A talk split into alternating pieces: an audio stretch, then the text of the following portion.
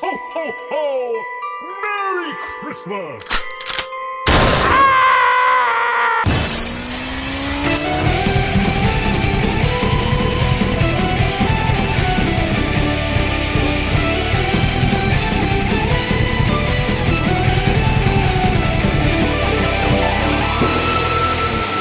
Hei, mitt navn er i ny og ne Per Ståle Honning, og dette er Tordentale, en dannelsesreise gjennom smerte, bjelleklang og reinsdyrdrit.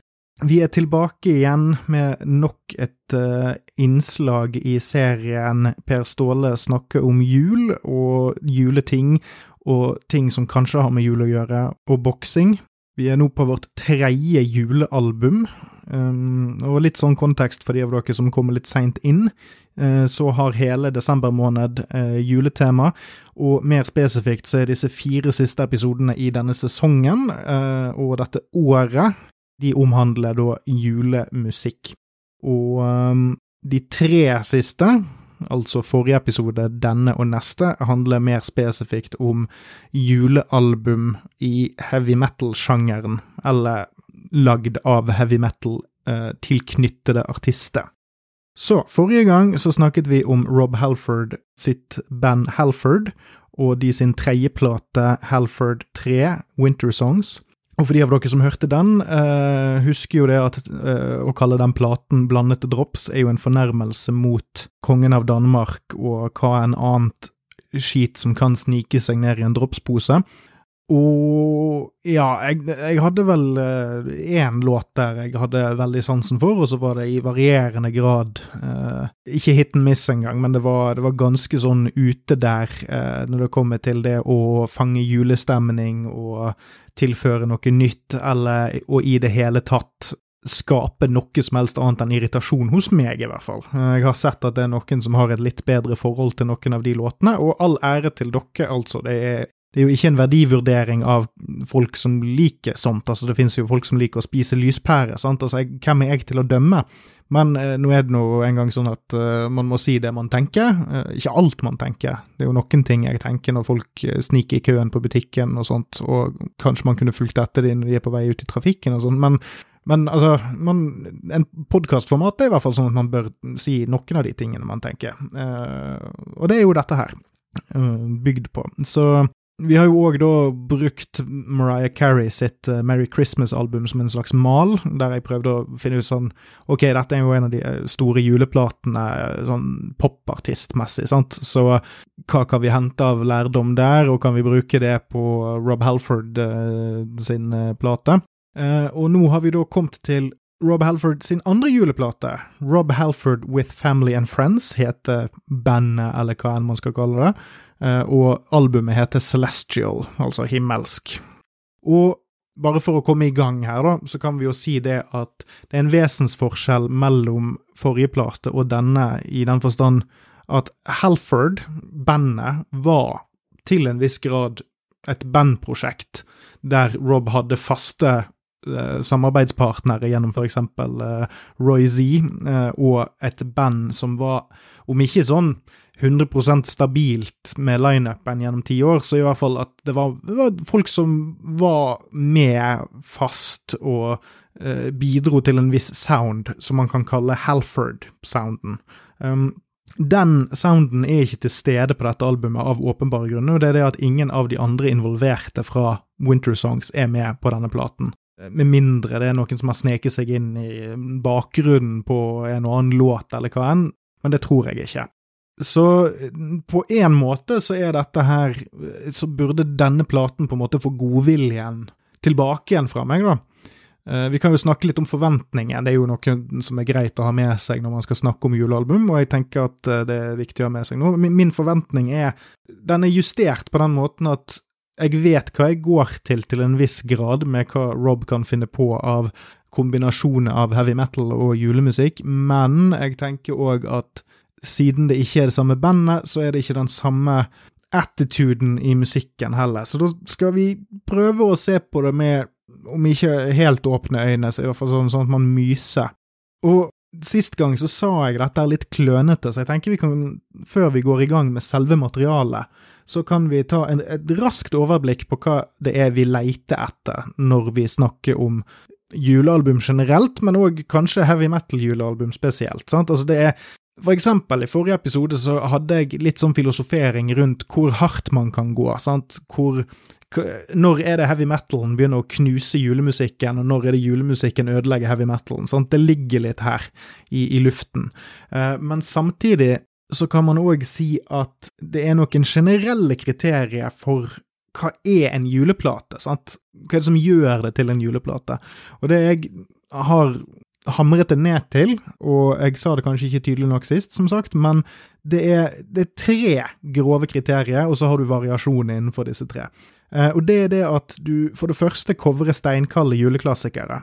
Som, som, er en del av den generelle, den allment aksepterte kanon.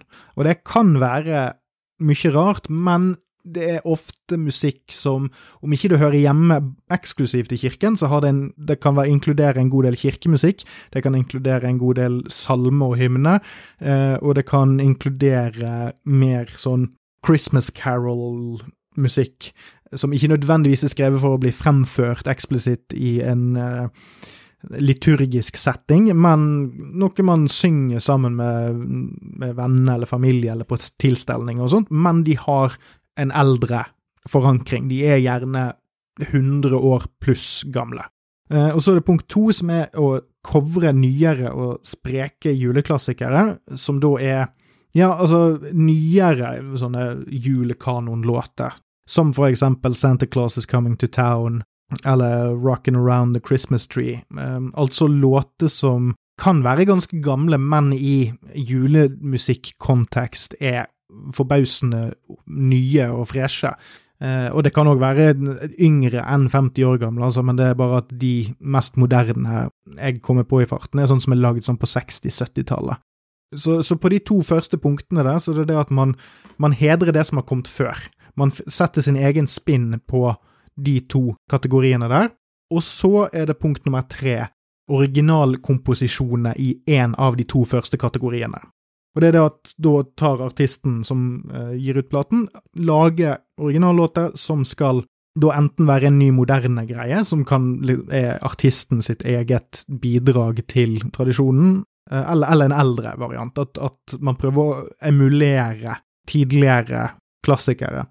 Så, som dere hører, så driver jeg nå allerede og repeterer ganske mye, og det er noen fellestrekk med denne platen og forrige, så jeg skal prøve å ikke henge meg opp i for mye sånn 'husker du det, husker du ditten, husker du datten', men det kommer til å skje. Men uh, jeg skal prøve å holde ting litt grann rullende her, for jeg kjenner at nå begynner jeg å bli litt lei av Rob Halford og hans fetisjaktige fascinasjon med denne høytiden. Nå må vi bare komme i gang, for jeg kjenner altså, det er seint på kveld, jeg er på den åttende koppen med kaffe, og, og, og det, det, dette er slitsomt. Så, så bær med meg, vær så snill. Ok, Celestial er gitt ut i 2019, altså ti år etter Winter Songs, så vi kan jo håpe at eh, Rob har lært et og annet siden sist. Eh, besetningen på albumet er litt interessant. Eh, det er da på tromme og perkusjon så har vi Nigel Halford, som da er broren til Rob. På keyboards så er det Mike Exeter. Han er òg koprodusent på Redeemer of Souls sammen med Glenn Tipton. Uh, Redeemer of Souls er det nest siste studioalbumet til Priest, i talende stund. Uh, han var òg engineer på Firepower, som er det siste studioalbumet, uh, og han har òg jobbet med Black Sabbath, Cradle of Filth og en del andre, men da mest som engineer, og noen ganger som produsent. Jeg mener, om jeg ikke husker helt feil i farten, at han òg var koprodusent på Heaven and Hell sitt eneste studioalbum, The Devil You Know, altså det omdøpte Black Sabbath uh, med Dio som frontmann. På uh, rytme og leadgitar så har vi John Blakey. Uh, han har vært med i et band som heter Voodoo Sioux, eller Voodoo Sioux, som i Sioux-stammen av amerikanske indianere. Som er et band fra The Midlands. De har gitt ut to album i løpet av 30 år, og det er ingen andre credits jeg kan finne på han, så jeg vil jo da anta at han kanskje da er en av disse her Family and Friends-folkene eh, som eh, dette bandet skal bestå av. Det, det, bare virker som om at dette kan være en fyr som Rob kjenner fra 70-tallet, når de var up and coming i The Midlands, som Priest kommer fra. Birmingham-området. Og så har vi da på rytmegitar Robert Jones. Han finner jeg ingenting på. Han har et altfor generelt navn, og jeg finner ingen link på Discogs. Det kan hende jeg har bommet, men det er et, et ikke-navn etter det jeg klarte å finne ut. Og så har vi en fyr på perkusjon som heter Phil Ridden. Han er omtrent ikke kreditert for noe som helst, han heller. Det kan hende at Mike Exeter kjenner han, eller at han er òg en person som Rob bare kjenner fra gamle banddager. Det var jo en, en, drøss med band som var up and coming, eller prøvde å bli up and coming, eh, i England på 70-tallet, så det, det kan være tilfellet her. Så er det på vokal og perkusjon. Eh, det er da Rob Halford. På bass så har vi Alex Hill, og det er jo en litt sånn interessant greie, for det er jo da Rob sin nevø. Eh, og han er da òg eh, i slekt med en annen Judas Priest-legende, nemlig Ian Hill, for han er sønnen til Ian Hill. Uh, for Ian Hill var gift med søsteren til Rob i en periode. Og det er da antageligvis den samme søsteren som da òg er kreditert som at hun spiller på bjelle. Jeg tenker å bare la den henge litt, jeg. Og så vil jeg si at jeg tipper at all perkusjonskrediteringen, at det er flere folk som er satt opp på perkusjon, at det har blitt eh, At det er en god del folk som står og slår på slaybells og maracas og andre sånne lette rytmeinstrumenter på dette albumet. Men som dere merker, jeg er litt sliten.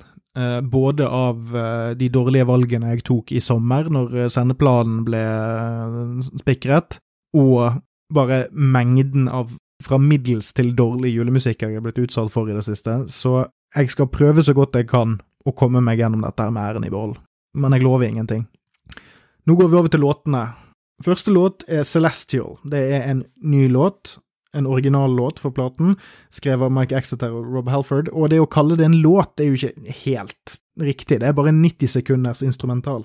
Det er med kirkeklokke, vind, julenisse, ho-ho-hoing, eh, det er ekko av Rob som synger i starten, og det kan være at det er meningen at det skal sitte noen i, i hest og slede, for du hører sånn hestehove på uh, brosteinlyd, og det er mye atmosfærebygging her. Og så hører du Rob synge i det fjerne, så det kan være at de har prøvd å lage et, bild, et sånt lydbilde av en sånn nedsnødd engelsk småby, uh, der noen er på vei til eller fra kirken, og så er det denne stemningen i luften som skal fanges, og da er kanskje uh, Rob sin synging ment som en sånn Nå passerer vi et sted der noen synger i en, ja, i en kirke eller i, en, uh, i et forsamlingshus. Og så kommer det inn strykere i klassisk stil, melankolsk og vinteraktig. Det er litt sånn, sånn, sånn saktegående strykere, litt sånn cello og noe fiolin. Og om jeg skal beskrive det som noe, så jeg vet ikke hvor mange av dere som er gamere. Jeg er jo teknisk sett ikke det, jeg heller, hvis man skal operere etter de parametrene som folk som kaller seg gamere, opererer med. Eh, men jeg har spilt litt dataspill i mitt liv, eh, og om jeg skulle beskrevet denne introinstrumentalen som noe som helst, så føles det veldig som når man går inn i et nytt område i The Witcher, der det har skjedd noe fælt. Og så, mot slutten, så får du en crescendo på disse strykerne og sånn, og så kommer trommene inn, før musikken dundrer over til låt nummer to. Låt nummer to er Dunner and Blitzen. Det er òg en originalsang skrevet av Mike Exeter og Rob Halford. Og her hører man at dette er en annen versjon av Rob Solo enn uh, Halford.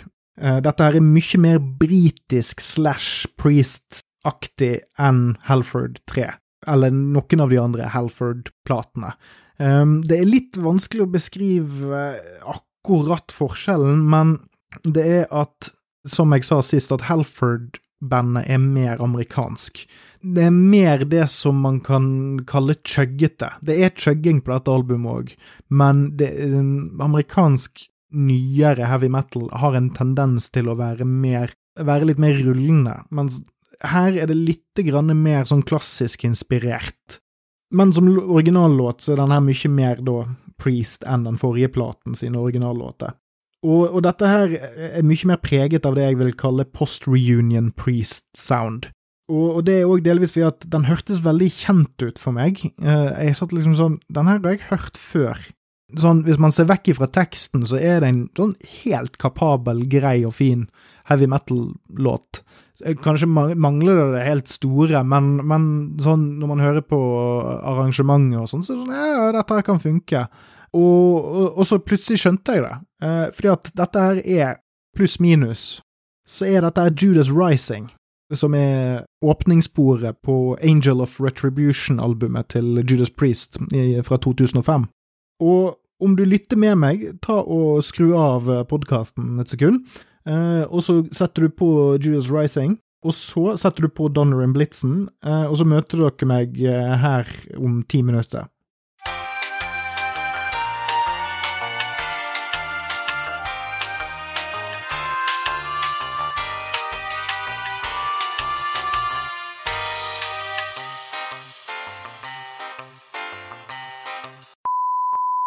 Ok, da er vi tilbake. Eller, altså, hvis jeg skal være helt ærlig, så er det Judas Rising kombinert med Lightning Strike fra Firepower-albumet. Introen er Lightning Strike, og fra Rob kom inn, så er det Judas Rising. Uh, hør spesielt på refrenget, til og med der dette koret med Rob Halford er kommet inn, der han driver og korer seg sjøl. Eh, det er helt likt. Uh, forskjellen er at han ikke har den drivende bass- og elgitar-rulleriffingen som eh, ligger bak, og så er denne her litt raskere. Judas Rising er litt, eh, litt seigere. Uh, og samlet med Get Into The Spirit fra forrige plate, så dette er en vesentlig bedre sang, dersom du ser vekk fra teksten, selvfølgelig. Uh, altså, hvis man hadde skrevet denne låten med en helt annen tekst, så hadde det vært en helt adekvat heavy metal-låt.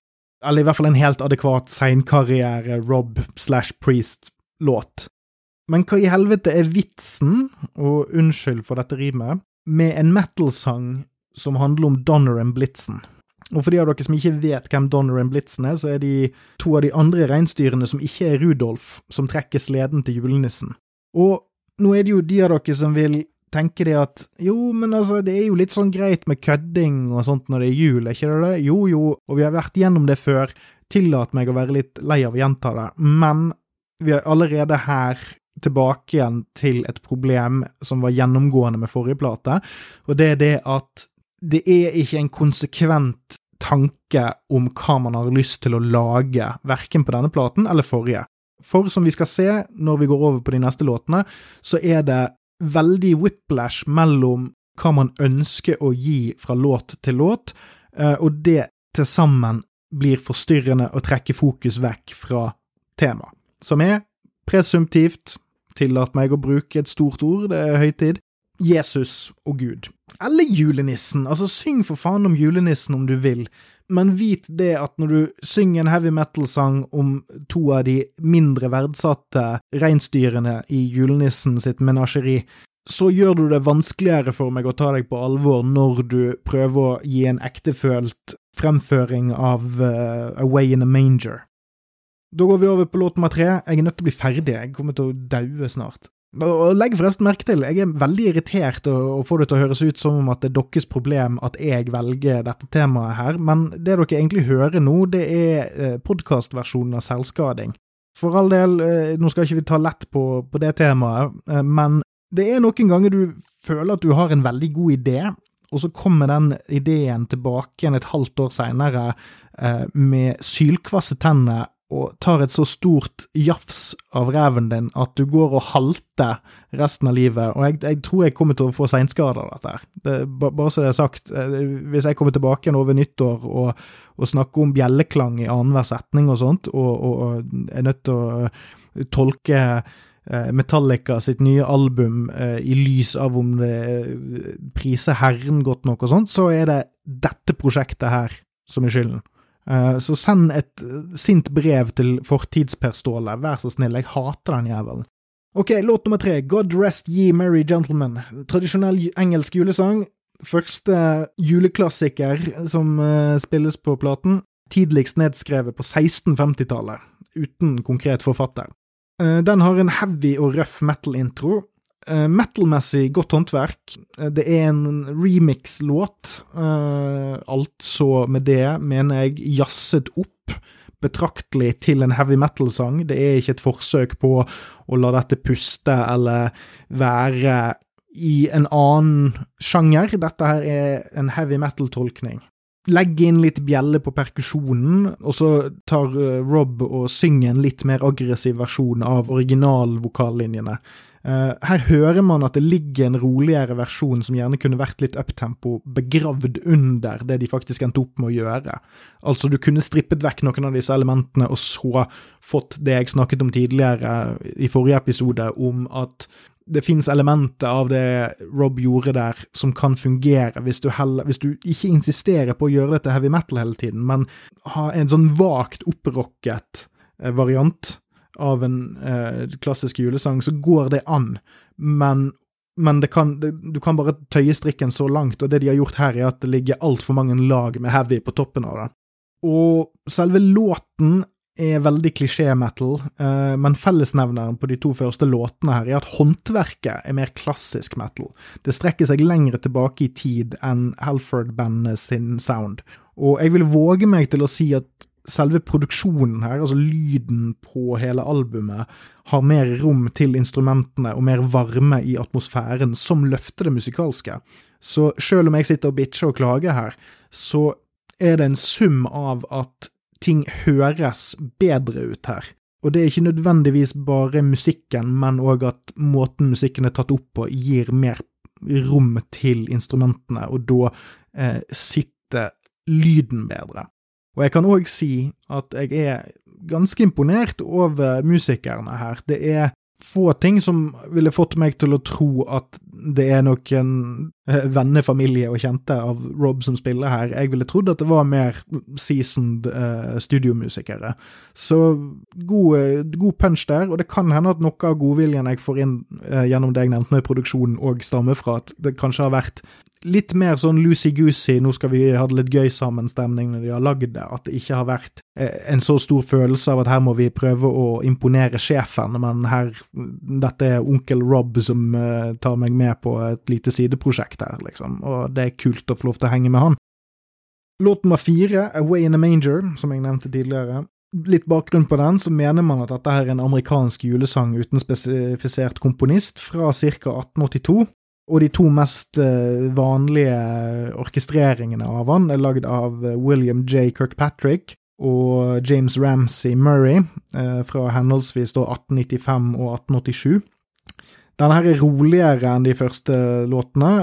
Første, hvis vi ser vekk fra introlåten, som egentlig bare er en atmosfæreskaper, så er dette her den første mer sånn tilbaketrukne tolkningen på platen roligere, veldig sånn Eric Clapton på Dødelig våpen-soundtrack-aktig gitar. Sånn, eh, hvis du har sett Dødelig våpen, hvis du hører den tonen som uh, på, på, klimpringen som Clapton har på, på det soundtracket, uh, og, og, i selve filmen, så, så, er det noe i nærheten av det. Og da er det da med akustisk bass og gitar, eller i hvert fall tilnærmet sånn ekstrem clean uh, elgitar. Litt vanskelig å si akkurat nå på, på sparken uten å sette den på igjen. Så får man litt mer typisk 80s elektrisk gitar, akkordspilling, eh, klimpring, eh, på toppen, i bakgrunnen. Og dette er ganske stilig. Jeg, jeg husker ingenting av originalen av den her, men det de har gjort her med alle elementene i band og sånn, funker. Ikke som en Jesus-sang, men som en eh, rolig bluesrock-ballade, så funker det, uh, uten at det blir helt sånn Nothing Else Matters. Og grunnen til at jeg sier at det ikke funker som en julesang audiomessig, er at den ikke gir deg noe inntrykk av at det er Jesus det synges om i selve fremføringen til Rob. Låten er på en måte god nok til å være en originalkomposisjon med en helt annen tekst som handler om noe helt annet, uh, men her merker jeg at det handler ikke om budskapet når uh, Rob synger, og det gjør òg at um, jeg blir mer opphengt i hva dette kunne vært, hvis de bare hadde brukt det i det jeg ville kalt en mer fornuftig setting. Jeg, jeg tviler for øvrig på at det er veldig mye av dette her som er instrumentalisering fra originallåten. Uh, og så minner det litt sånn vagt om rolige fyllpartiet fra Pink Floyd til tider. med en sound som da minner lite grann om deler av The Black Album. Bare sånn for å rettferdiggjøre den Nothing Else Matters-referansen jeg kom med. Lydmessig er dette blant de bedre låtene på platen. Så er vi på låt nummer fem, Morning Star, en originalsang skrevet av Rob Halford. Da går jo tankene automatisk til Evening Star fra Killing Machine i 1978, som en, en av Priest sine tidlige forsøk på å komme på radioen. Her har jeg bare notert meg Huff for en start. Det høres ut som en kassert ballade fra Rob på tidlig 80-tall. Tittelen er jo en referanse til Jesus, og låten har et ganske eksplisitt kristent budskap. Det handler om nærhet til Gud og eller Jesus, og det å bli guidet av varmen til noe høyere. Og den er ganske underspilt, det skal sies. Det er med akustiske gitarer, det er rolig, det blir aldri rockete. Men altså rockete med, med stor rock, altså med power chords og store refrenger. Men med noen rolige rockeelementer som, som ligger i en rolig, clean elektrisk gitarsolo, for eksempel. Enkelte vil like dette her. For meg så blir det ganske kontant kjedelig, og veldig standard, rolig rockeballade. En veldig sånn ikke-sang. Uh, igjen, da Nå har Rob startet med denne novelty-sangen sin med Donner and Blitzen, sant. Her, kom, her er en til Priest-fansen.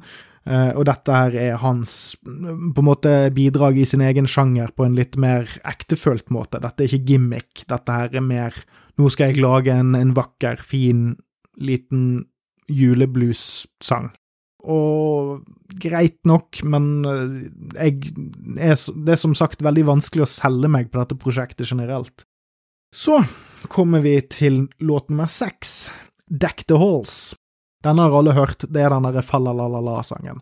Det er opprinnelig en walisisk låt. Den første engelske versjonen er ført ned i pennen av Thomas Olifant i 1862, og jeg kan bare si herregud, så fuckings jævlig denne låten her er.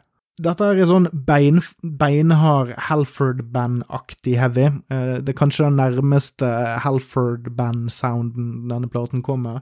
Chuggeriff på hele jævla greien, med elektrisk gitar som svarer på fallalalala-biten. Rob svarer òg fallalalala med sånn rough chest voice. Ikke helt denne skrikete greien hans, men den, den brølete brystkassevokalen, som kan være tøff, men her er det bare intenst grusomt å høre på. Det, det, det, hva faen er det de har tenkt på? Dette er noe av det Nei, jeg skal, jeg skal ta den på nytt, faktisk, for dette her er verdt å understreke. Dette her er det desidert jævligste jeg har hørt Rob Helford gjøre noensinne. Jeg har aldri hørt han høres så full onkel ut som dette her. Når den gamle fjåseonkelen din er nede i den tiende halvliteren og skal opp og synge karaoke, og prøve å gjøre det ironisk. Det er sånn denne låten høres ut. Og, og her kommer den der kognitive dissonansen beint inn igjen. Altså, Hadde han lagd et helt album som bare var kødden heavy metal-julecover-basert, så kunne dette her vært og nå bruker jeg enorme hermetegn her. Sånn, se for deg to enorme hender som vifter pekefingeren og langefingeren opp og ned, vilt og heavy. Så kunne det vært artig, men her får du bare en julestrømpe fylt med ambolte og avføring rett i trynet, og det er bare fælt. Altså, all musikken, bortsett fra Rob, er helt ok heavy, men Rob ødelegger absolutt alt her. Det er den eneste gangen jeg har hørt at han har trukket en sang ned, som jeg kan komme på. Jeg har aldri hørt han misse poenget så til de grader. Det, det, er grusomt å høre på.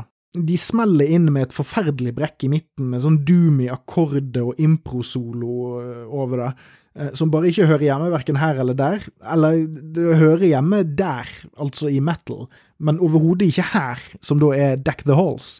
Og Rob har vist både på denne platen og forrige at han har vett til å skjønne noe av hva greien er, når du lager et sånt album som dette her. Noe. Jeg var veldig kritisk til den, det er ikke det, men altså, han har alltid vært om ikke innenfor, så har han vært innenfor i den forstand at han har visst hva han prøver å gjøre, og så har han i hvert fall klart å få til det han prøver å gjøre som passer, selv om ikke det nødvendigvis er den rette tingen å gjøre.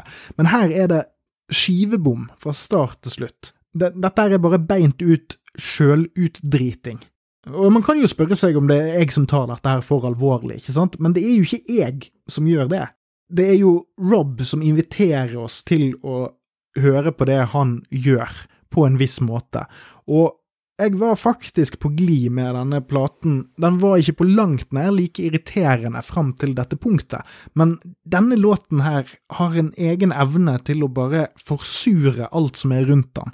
Når du først har hørt denne låten, så blir det som kom før og etter, dyttet ned i den, i den samme åpne kloakken som denne låten her er. Og jeg, hvis dere ikke tror meg, så, jeg, så utfordrer jeg dere. Sett på denne låten her, og hør på det Rob gjør, og fortell meg at dette her er gode, fornuftige valg av en god, gammeldags veteran i denne sjangeren her.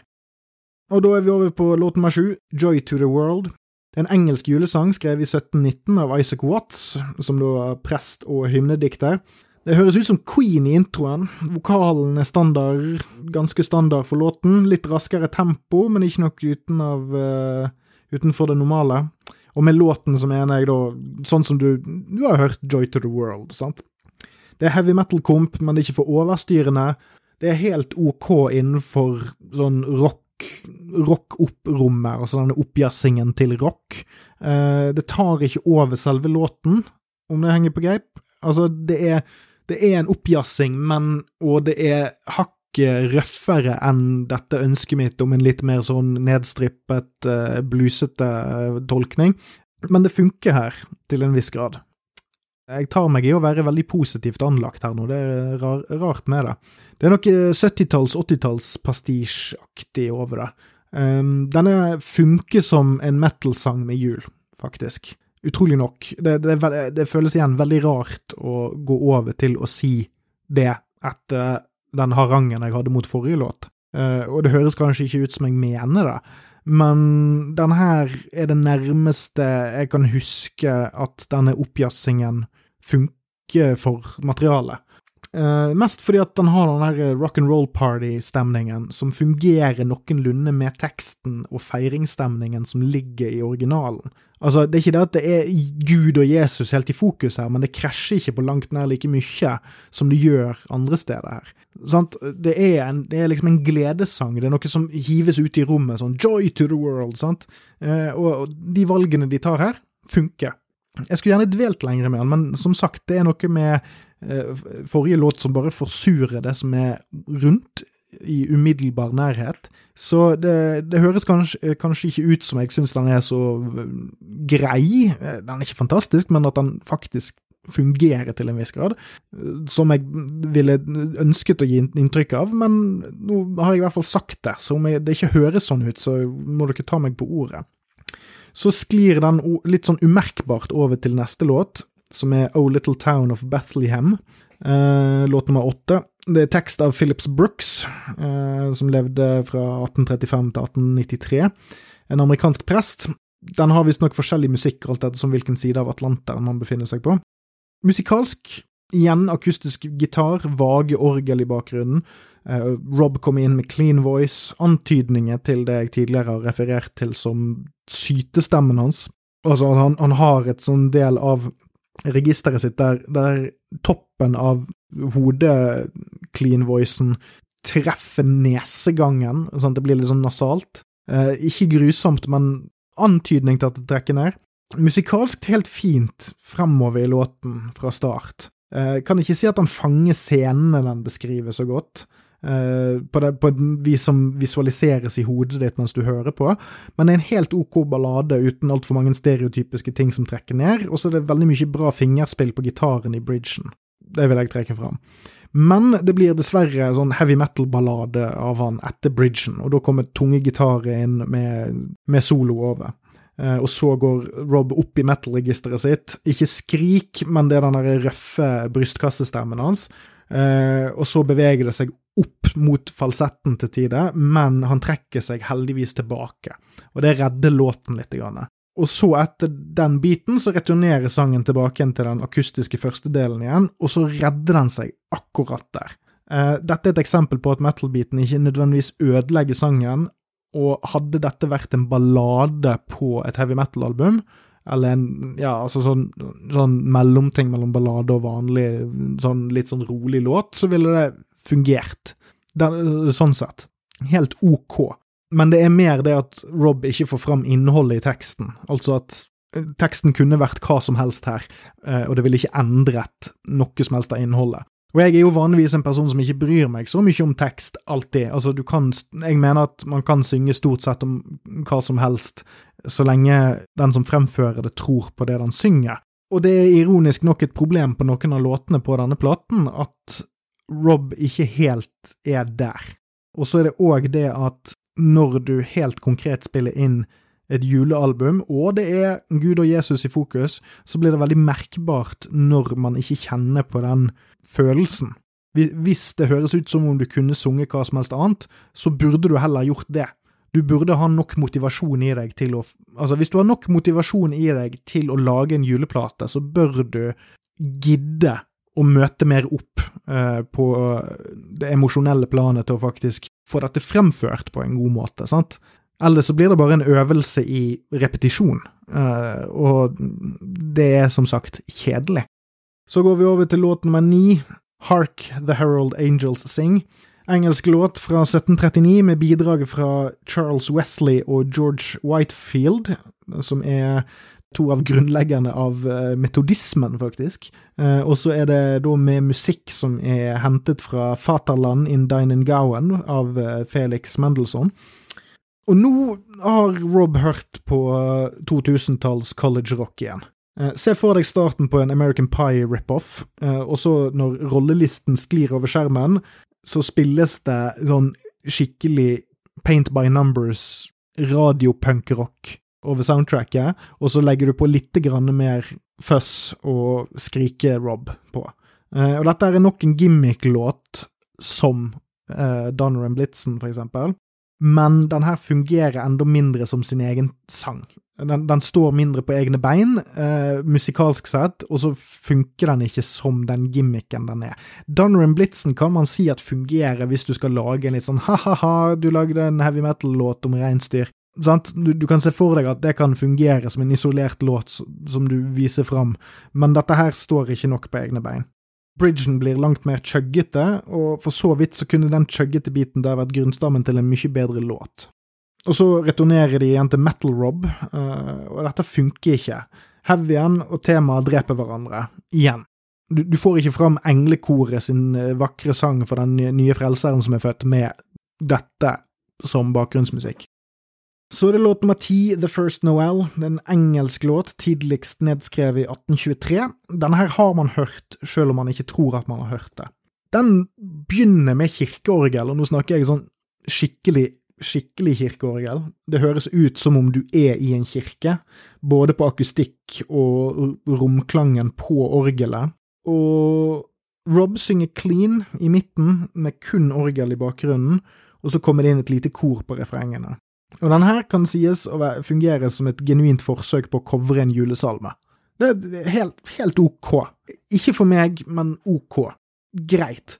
Uh, Rob har en følelse i fremføringen i han her. her. Her kommer det jeg snakker om, med at når han synger, og nå står han her helt alene, som jeg tidligere har snakket om, da fungerer det. Han, når han må fokusere på å levere noe ene og alene, så sitter det faktisk. Da hører du at det er motivasjon der. Da krangler han ikke med instrumentene om oppmerksomheten. Eh, og når han må bære det helt alene, så klarer han å hente fram dette her emosjonelle registeret for å løfte fram teksten. Og den her kunne vel så gjerne vært på et Sissel Kyrkjebø-album, liksom. Eller jeg bare forestiller meg at det er sånn det høres ut, fordi at altså for alt jeg vet, så er alle albumene til Sissel Kyrkjebø portugisisk syntpop. Så er vi over på låt nummer elleve, Good King Venkel, Venkeslas. Good King Venkeslas, eller Venceslas. Vanskelig å uh, uttale akkurat det der. Men det er jo fordi at det handler om hellige kong Venkeslas fra Bøhmen. Det er en engelsk julesang.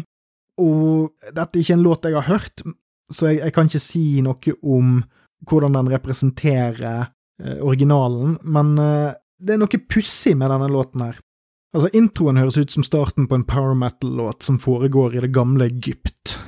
Ikke nødvendigvis sånn, sånn Maiden-aktig, men det er liksom en sånn type sound som metalheads går for når man skal være litt sånn Ikke engang Det er en sånn veldig konkret eh, gitarklimpring som høres ut som litt sånn midtøstensk. Det er ikke engang det.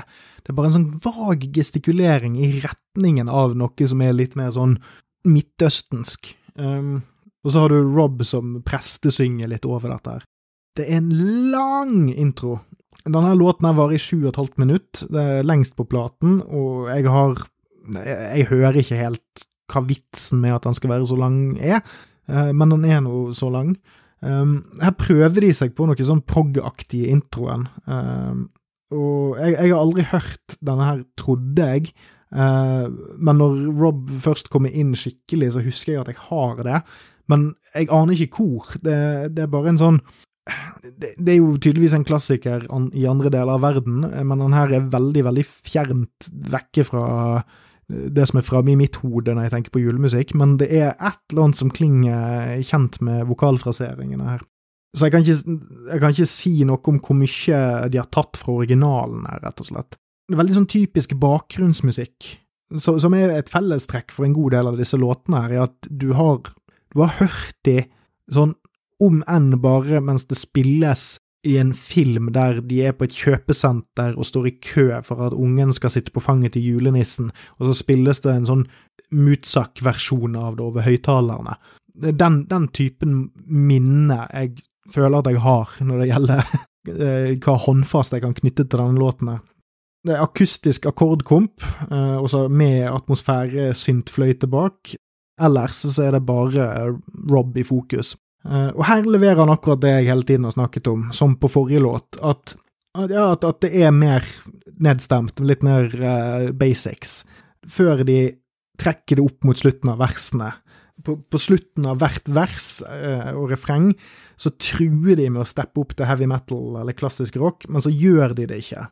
Og det likte jeg at de gjorde her, før vi da kom til halvveis ut i låten, der de da faktisk trekker det opp til heavy metal og ødelegge inntrykket mitt. Altså, hadde de latt være å bare antydet i retning av det, så ville det vært vesentlig bedre.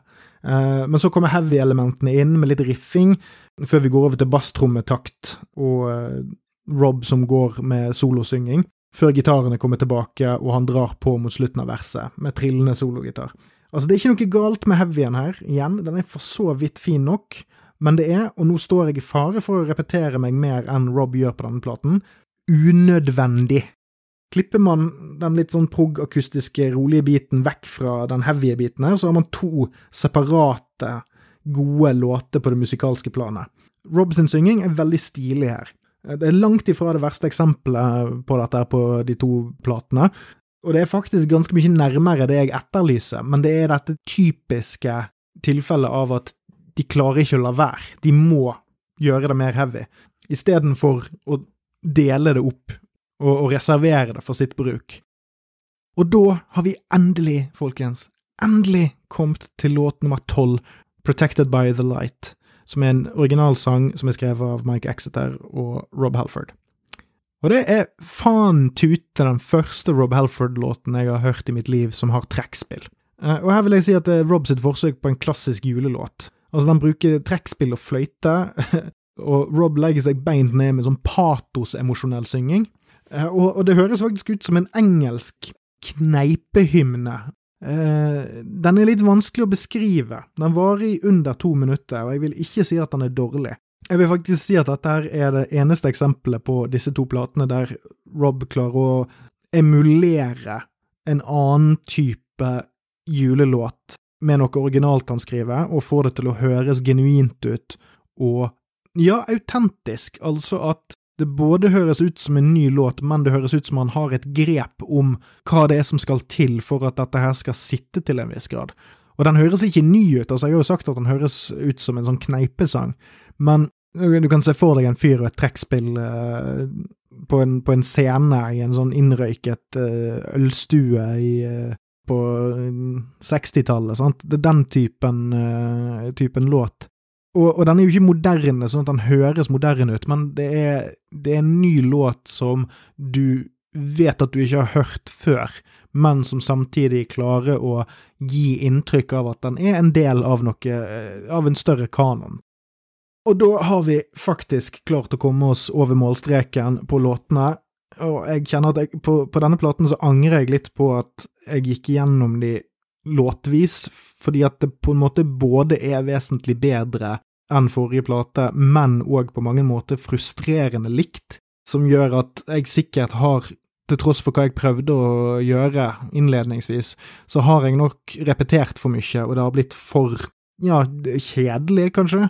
Men nå kan vi prøve å, å, å tenke litt høyt om, om, hva dette her var, versus den forrige, og hva vi har lært. Eh, den varer i 45 minutter, som er noen minutter lengre enn eh, Winter Songs, eh, og 45 minutter er for langt for dette materialet. Den burde vært nærmere halvtimen. Selv om på mange vis så er det eksempler på bedre orkestrering her så er ikke materialet sterkt nok til å dvele så mye, og det er kanskje spesielt den 7,5-minutteren som trekker ut denne platen litt, selv om det var ja, et eksempel tidvis på hvordan man kan levere det.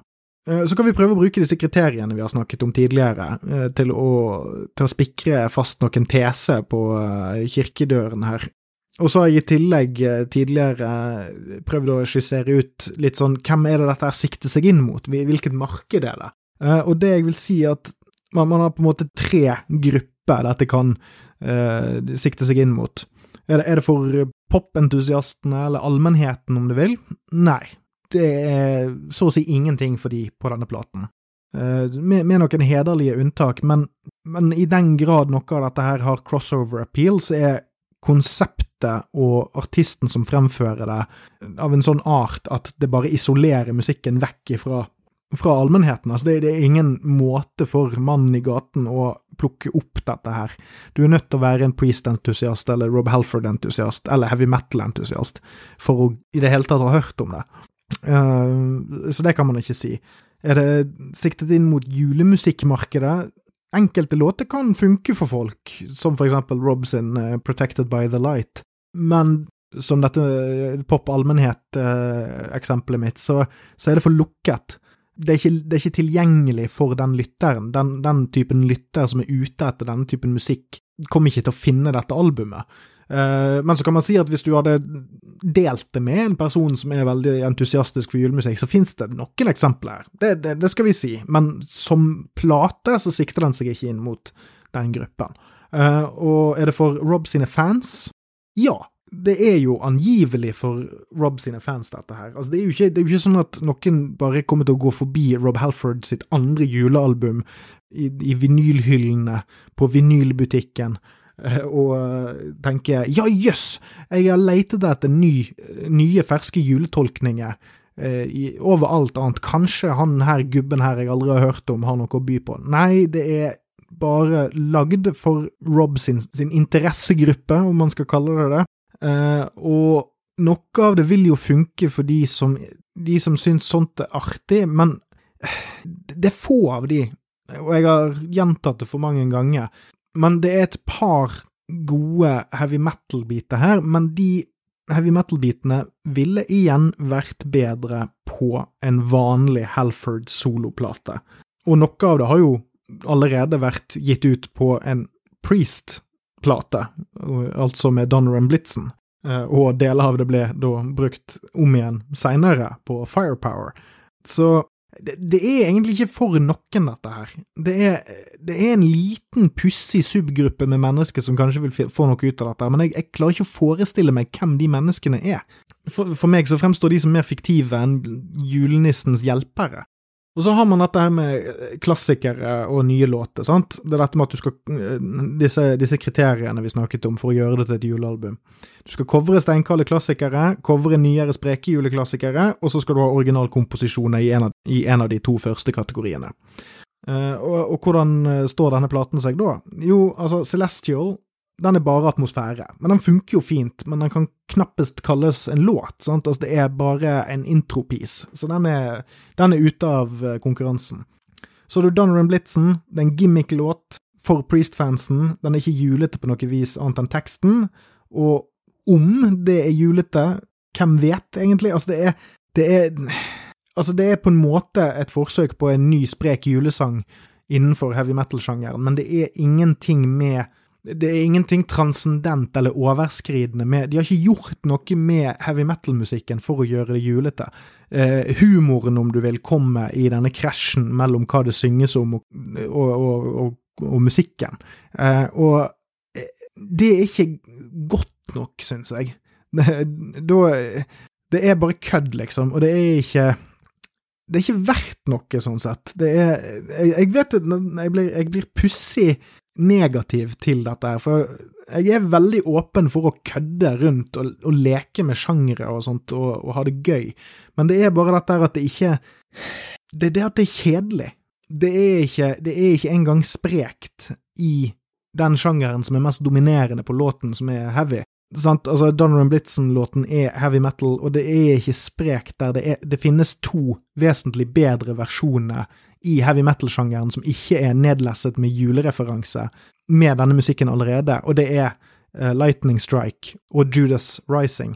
Og når de to allerede fins og eksisterer i verden, så har ikke denne her noe levedyktighet for min del. Så har du uh, Morningstar. Den forsøker på noe moderne uh, på et vis, men ikke helt, siden den har så mye 70-80-talls i seg. Men med litt, mot, litt sånn motvillig god, godvilje, så kan man si at ja, et, her har man prøvd å bidra med noe som er sånn, sånn halvveis genuint følt, og, og, og, man har gjort seg litt uh, Gjort litt for det, på en måte. Og så er det Protected by the Light, som er bra. Så, så det, er, det, er, litt blanda drops her, eh, og kanskje litt, litt, bedre smak på de blandede, eh, blandede dropsene enn Winter Songs. Mange av de samme feilene begås, men her kan jeg faktisk si at jeg likte en av de nye låtene, eh, noe jeg ikke kunne gjøre med forrige. Og så kan vi jo spørre oss til slutt, er det et godt julealbum? Nei, det vil jeg ikke si at det er. Eh, er det et godt album for denne artisten? Nei, det vil jeg ikke si at det er så å si alt som er positivt her, med unntak av Protected by the Light og noen fremføringer, så kunne dette blitt gjort bedre i en mer nedstrippet, et mer purt julealbum, eller blitt brukt på en heavy metal-plate. Det det er ikke Altså, Rob Halford har levert bedre både før og etter. Hedrer det coverlåtene? Ja, i mye større grad enn forrige album, men det, det er slitsomt. Eh, og og det, kan godt hende at mye av grunnen til at jeg høres mer negativ ut nå enn det jeg kanskje egentlig er, er, er denne slitasjen fra forrige episode. At, at, nå har jeg på en måte hørt dette trikset bli forsøkt en gang før, så nå hører jeg ekkoene av det sjøl når det på mange vis kanskje er et bedre sluttprodukt jeg hører på nå. Uh, men den beste tolkningen jeg hørte, var jo What Child Is This fra eh, forrige plate. Så på noen måter så er dette et bedre album, men, og, og, og, kanskje er mer ektefølt noen steder. Men jeg, kanskje Rob brukte opp de beste julelåtene på forrige album, og ja, det, det er bare ett land som ikke sitter helt her, og jeg skal ta høyde for at det kanskje er i hodet mitt.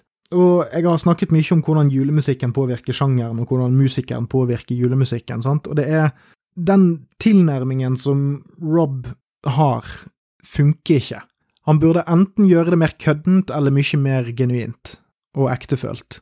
Sånn som det står nå, så er det begge disse platene her en sånn hodgepodge med alt mulig rart hivd ned i samme gryte, og det krangler for mye med seg sjøl og resten av materialet på platen. Hver individuelle låt kan ha gode og eller dårlige sider, men det ender opp med å påvirke det som er rundt eh, på samme album. Og som jeg har vært litt inne på, så hedrer dette Gud og eller Jesus, altså i no noe større grad enn Winter Songs, kan jeg si. Men det er fortsatt en lang vei å gå her, og kanskje hadde Rob klart det kunststykket dersom han noensinne lagde en tredje eh, juleplate, som eh, burde komme en gang rundt år 2029, når han nærmer seg 80. Og kanskje har han da klart å legge fra seg skinnfrakken lenge nok til å å forplikte seg til én linje, istedenfor å være litt sånn ADHD-Duracell-kanin og hoppe mellom kødd og juleorgel og, og hva faen enn annet som vi har på denne platen. Og jeg kan si Rob Halford, han, det, det, høres ut som at han har hjertet på rett sted tidvis, men det er òg eh, Det er litt sånn på tomgang her, syns jeg. Er, han sang faktisk mer ektefølt på Winter Songs enn han i snitt gjør på denne platen. Men når, når han får rom til å bære låten på skuldrene sine, så sitter det, og det han har evnen til å yte dette materialet rettferd, om du vil. Og, og for å summere, så har Rob fulgt flere av rådene mine på denne platen. Det er mye mer underspilt til tider, sjøl om det er metal-seksjoner som bryter grovt med det, men snittet er nærmere det man kan kalle helhetlig. Platen er markant bedre, men flere steder så er det like mye stor krasj mellom elementene. Og funker det? Nei, egentlig ikke. Det er fremdeles ikke helt i mål. Og ja, jeg tror, jeg tror, det får være summen av uh, disse to uh, platene. Det, jeg, jeg, begynte jo forrige episode med å si sånn Hvor er det, hvor er det strikken ryker når du har tøyd den for langt? Og det er det der at når du prøver å putte The Metal God inn i denne her merkelige, merkelige subsjangeren som kalles julealbum og julemusikk, så merker du det. Det er ikke rom for det. Du kan ikke stå og insistere på å være tøff og kul og så prøve å være så ektefølt, men så tør du ikke helt å, å ta steget videre. Det er rett og slett Det, er litt feigt, og jeg tror det er den feigheten som gjør at jeg ikke, ikke er med på notene her.